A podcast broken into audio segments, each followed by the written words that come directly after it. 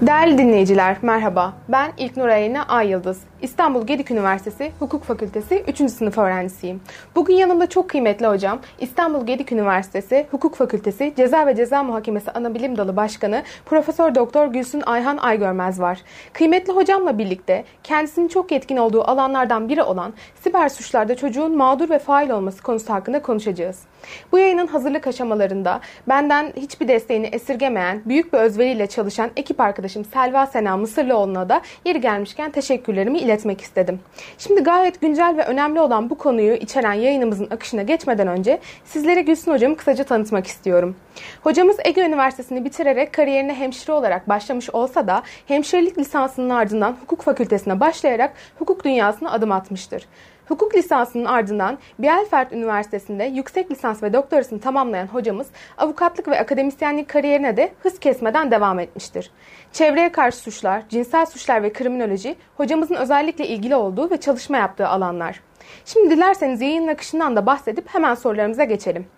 Siber suçu meydana getiren, suça sürüklenen çocuk gerçekten fail midir başlıklı yazımızda öncelikle internet ve interneti kullanabileceğimiz araçların da inanılmaz yaygınlaştığı bu dönemde çocuğun siber suçlara sürüklendiği alanlar, siber suçlar kapsamında çocuğun mağdur konumunda olması hakkında konuşup ardından yayınımızı ikiye bölerek ikinci kısımda da Deep Web ve Dark Web gibi internetin karanlık katmanlarına değinerek bu katmanlarda meydana gelen suçların hangi yöntemler kullanarak ortaya çıkarıldığından da bahsedip yayınımızı sonlandıracağız. Hocam hoş geldiniz geldiniz. Ricamızı kırmayıp yayınımıza konuk olduğunuz için çok memnunuz. Çok teşekkür ederiz. Dilerseniz sorularımıza geçebiliriz. Evet ben de çok teşekkür ediyorum nazik davetiniz için. Çok sağ olun. Tabii hemen başlayalım. Ne demek hocam? Buyurun. Tamamdır. Ee, bildiğiniz üzere 5395 sayılı Çocuk Koruma Kanunu uyarınca suça sürüklenen çocuk kanunlarda suç olarak tanımlanan bir fiili işlediği iddiası ile hakkında soruşturma veya kovuşturma yapılan ya da işlediği fiilden dolayı hakkında güvenlik tedbirine karar verilen çocuk olarak tanımlanmaktadır. Hem kanun tarafından yapılan tanıma bakıldığında hem de tanıma bile bakmadan direkt suça sürüklenen çocuk kalıbına baktığımızda aslında suça sürüklenen çocuğun da çeşitli dış etkenler sonucunda suça bulaştırılıp mağdur edildiği, başka bir deyişle suça sürüklenen çocuğun da aslında mağdur olduğu sonucuna rahatlıkla ulaşabiliyoruz. Bulaşımdan hareketle size ilk olarak şu soruyu yöneltmek istiyorum.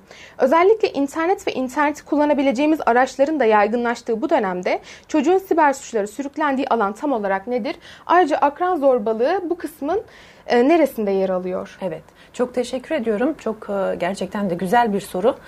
E, akran zorbalığı tabii ki çocuğun ilk etapta fail olduğu bir e, alan e, sıklıkla. Ancak kendisi de mağdur, mağdur ettiği karşı taraftaki kişi de aslında çocuk. Hem kendisi hem de mağdurumuz çocuk. Bu anlamda da mağduriyet aslında çift taraflı. Aslında biz ceza hukukunda e, bir kişi hem aynı zamanda mağdur, aynı zamanda da mağdur e, şey fail olamay, olamaz deriz. E, ancak e, burada e, iç içe geç, geçmişlik e, söz konusu. Kriminoloji ve viktimolojinin yani suç bilim, ceza bilim e, ve aynı zamanda mağdur bilim e, bakımından ikisinin tam anlamıyla kesiştiğini görüyoruz. E, siber suçlar diğer suçları ben gerçek ortamda işlenen suçları ayırıyorum çocuklar tarafından. E, gerçekleştirilen suçları ve çocukların mağdur olması kısmını sadece siber alem bakımından bakacak olursak e, siber suçlarda e, çocuklar e, sıklıkla o anonimliğin yani belirsizliğin e, kişilik atfedilememenin e, kimlik e, almadan hareket etmenin verdiği kolaylıkla ya da tam olarak o alemin boyutlarını kestiremedikleri için gerçek kimlikleriyle hareket etseler bile e, sıklıkla e, suç e, faili ki bu anlamda da çok doğru bir tespit e, suça sürüklenen e, çocuk olabilmekteler. Normal hayatta belki çok kibar, nazik, uyumlu bir çocuk siber ortamda gördüğü bir resmin altına çok şiddetli, aşağılayıcı, hakaretamiz, tehditvari cümleler dökebiliyor. E, bu anlamda bu e, gerçekten önemli bir e, konu. Siber alemin o psikolojisi ve çocukların anlamlandıramadığı o boyutları ciddi araştırma konusu. Hem kriminolojik anlamda hem de diğer taraftan e, kendilerini mağdur etmeleri anlamında. O nedenle evet birbirine karışmış bir alan. Mağdurluk ve faillik e, siber suçlarda özellikle çocuklar boyutunda ki gerçek kişilerin bile ben e, bunu tam olarak kestirebildiklerini düşünmüyorum. E, yapılan araştırmalar kişinin e, kimliğinin ortaya ortaya çıkarılmasının e, zor olduğu alanlarda daha rahat hareket ettiğini gösteriyor. Trafik mesela bunlardan birisidir. E, normalde komşunuz çok kibar birisidir. Belki ismen tanımıyorsunuzdur ama alt komşunuz kapıdan çıkarken e, apartman giriş kapısını size açar iyi günler der. Ancak aynı komşuyla sokakta, trafikte karşılaştığınızda bilinmemezlik belki de önünüze kırar, belki size bir hakaret, e, hakaretamiz bir tavırda bulunur vesaire tehlikeye sokabilir sizi trafikte. Son derece rahat veya daha cüretkar olabilir. E, aynı şey ne yazık ki siber alem içinde geçerli. Hele ki o siber alemin e, bir de e, kontrolsüz boyutu var deep, karanlık internet, e, e, darknet denilen kısım orada artık iyice çığırından işler e, çıkmış durumda. Evet. Teşekkür ederiz hocam. Gerçekten çok açıklayıcı oldu. Aynı zamanda sizin de dediğiniz gibi internet kullanımındaki anonimlik fırsatlarına güvenen çocuk aslında sadece akranlarıyla alay ettiğini ya da onları küçük düşürerek eğlendiğini sanarak hakaret, tehdit gibi suçların unsurlarını meydana getiriyor. Aslında bu da fark edilmeden çok ciddi sonuçları meydana getiriyor. Şimdi uygunsa ikinci soruya geçebiliriz. Bu soru nispeten daha güncel ve önemli aslında. Sizin de değindiğiniz gibi siber suçlar kapsamında çocuğun mağdur olarak yer aldığı en büyük kategori cinsel suçlar oluşturuyor aslında. Peki siber suçlar alanında çocuklar cinsel anlamda nasıl mağdur ediliyor? Evet, e, çocukların en çok aslında istismar edildiği üçüncü kişiler tarafından ya da belki de akranları tarafından zorbalığa maruz kalarak ya da kendilerinin yaptıkları, işledikleri suçlardan en önemlisi cinsel suçlar ya da yani mağdur oldukları ve fail oldukları anlamında söylüyorum cinsel suçlar. Tabii bunun dışında ayrı kategoriler var. Onları asla burada anmadan geçmemek lazım öldürme, yaralama, hakaret, tehdit ki bu zorbalık adı altında e, ele aldıklarımız aslında sıklıkla bunlar. Hakaret, tehdit, özel hayatın e, ifşası, özel hayatın dokunulmazlığının ihlal edilmesi konusu. E, zorbalık aşamasında çocuklar sıklıkla birbirlerine karşı onların mahremiyetini ortadan kaldıracak resimleri internet ortamında ifşa etme, Facebook gruplarında, WhatsApp gruplarında, sonra arkasından herhangi bir gündelik alanda yapılan herhangi basit bir hatayı e, görüntüleyerek e, internet ortamında yayarak onu e, küçük düşürücü e, olgu isnatlarında bulunma gibi eylemlerde bulunabiliyorlar. Bunlar e, dediğim gibi zorbalık adı altında tehdit, hakaret e, ve aslında yaralama e, bir, diğer taraftan da olayın tabii daha vahim boyutlarında e, intiharına kadar belki de kişilerin götürecek, aileyi maddi manevi anlamda zor duruma sokacak, okulları değiştirmeye kadar götürecek sonuçları olan durumlar. Şimdi bunun haricinde çok çok çok çok daha önemli ve aslında çok konuşulmayan, tartışılmayan e, bir e, boyutu var siber e, alanın. O da cinsel istismar boyutu. Sıklıkla biz medyada gerçek hayatta vuku bulan istismar olgularını duyuyoruz. Öyle değil mi? İşte bir genç kıza karşı ya da bir çocuğa karşı gerçekleştirilen cinsel istismar fiillerini sıklıkla duyuyoruz gerçek alemde. E, bunlar medyaya çok yansıyor ancak e, hiç yansımayan çok daha e, vahim boyutta olan ki Türkiye ne yazık ki bu konuda başı çeken ülkelerden birisi çünkü Asya ve Avrupa arasında bir köprü konumunda olduğu için ciddi anlamda çocukların istisma, internet ortamında istismar edildiğini görüyoruz. Nasıl oluyor bu? Bir kere üçüncü kişiler, erişkinler tarafından çocuklar e, mağdur olarak istismar edilebiliyorlar. O da şöyle, ya e, internet ortamında mesela arkadaşlık kuruyor ya oyunlar vasıtasıyla oluyor. Çetleşilen oyunlar o anlamda ciddi tehlike taşıyorlar. Ya e, sosyal medya üzerinden e, bu e, Facebook olabilir, işte Instagram olabilir, TikTok olabilir vesaire. Ee, çocuklarla arkadaşlık kuruluyor, ahbaplık e, edil yapılıyor ve güveni kazanılıyor. Güveni kazanıldıktan sonra da işte hiçbir dokunma vuku bulmasa da belki de failimiz Rusya'da, Endonezya'da kim bilir e, karşısındaki çocuğu öyle bir e, seviyeye getirebiliyor ki çocuk ona rahatlıkla e, kendi e, mahremiyet alanını ortaya koyacak e, fotoğraflar, videolar çekebiliyor ve bunu ona gönderebiliyor.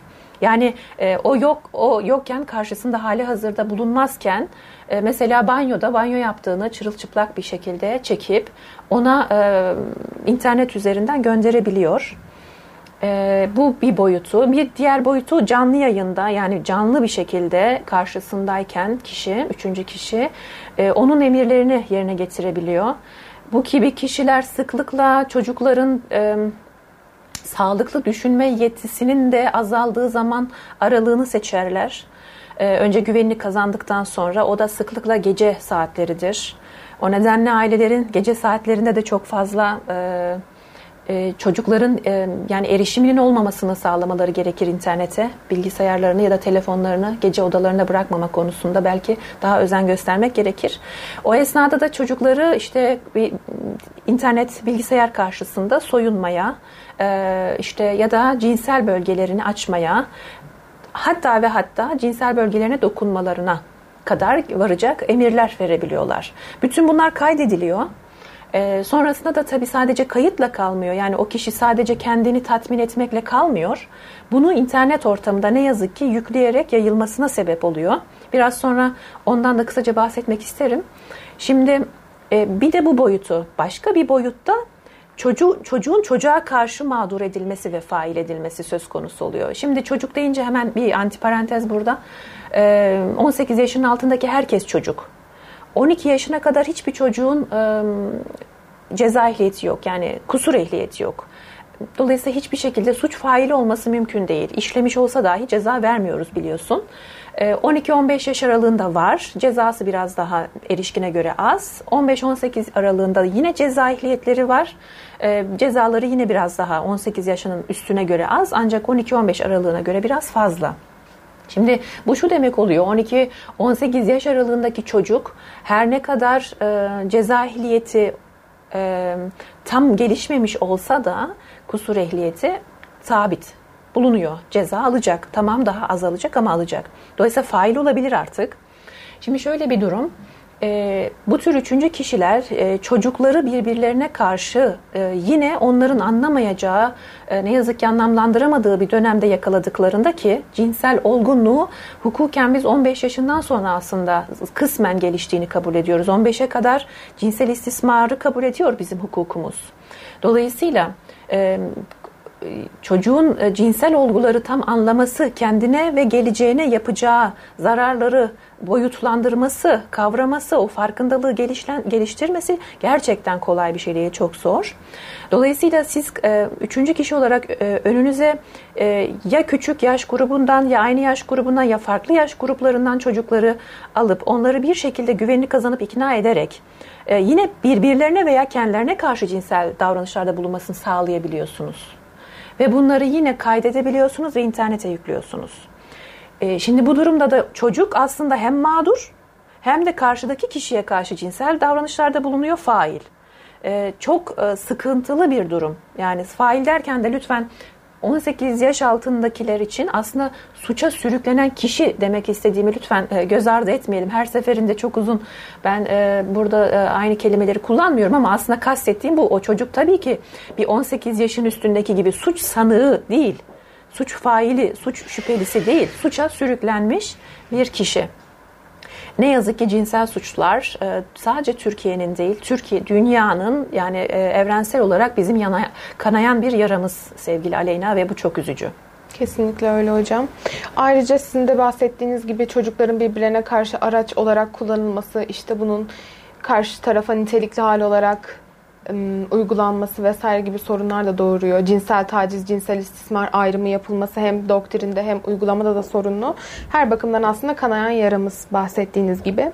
Şimdi aslında çok önemli bir konudan bahsedeceğiz. Dark Web, Deep Web, Europol gibi konulardan bahsedeceğiz. Bu konularda hocamız bize çok önemli örnekler verecek, çok önemli bilgiler paylaşacak. O nedenle yayınımızı burada kesip ikinci kısma geçiyoruz. Bu kısma kadar benim için hem çok keyifli hem de çok bilgilendiriciydi. İkinci yayında görüşmek dileğiyle diyorum. Hoşçakalın. Teşekkür ederim. Sağ olun.